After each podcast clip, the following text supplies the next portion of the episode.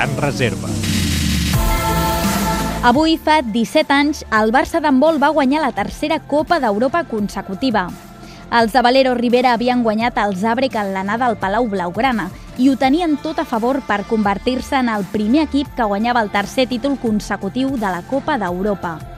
Els blaugranes van sentenciar el partit en imposar-se per un avantatge de 8 gols a la segona part. Les filigranes de Massip, els llançaments d'Urdangarín i uns brillants Cabar, Guijosa i Ortega que s'havien tancat en defensa. El Barça va entrar en la història amb una victòria per 22 a 28 en l'estadi del Badel i no només guanyava la tercera Copa d'Europa consecutiva, sinó que es convertia en el club amb més títols continentals, amb un total de 4 Copes d'Europa i 5 recopes.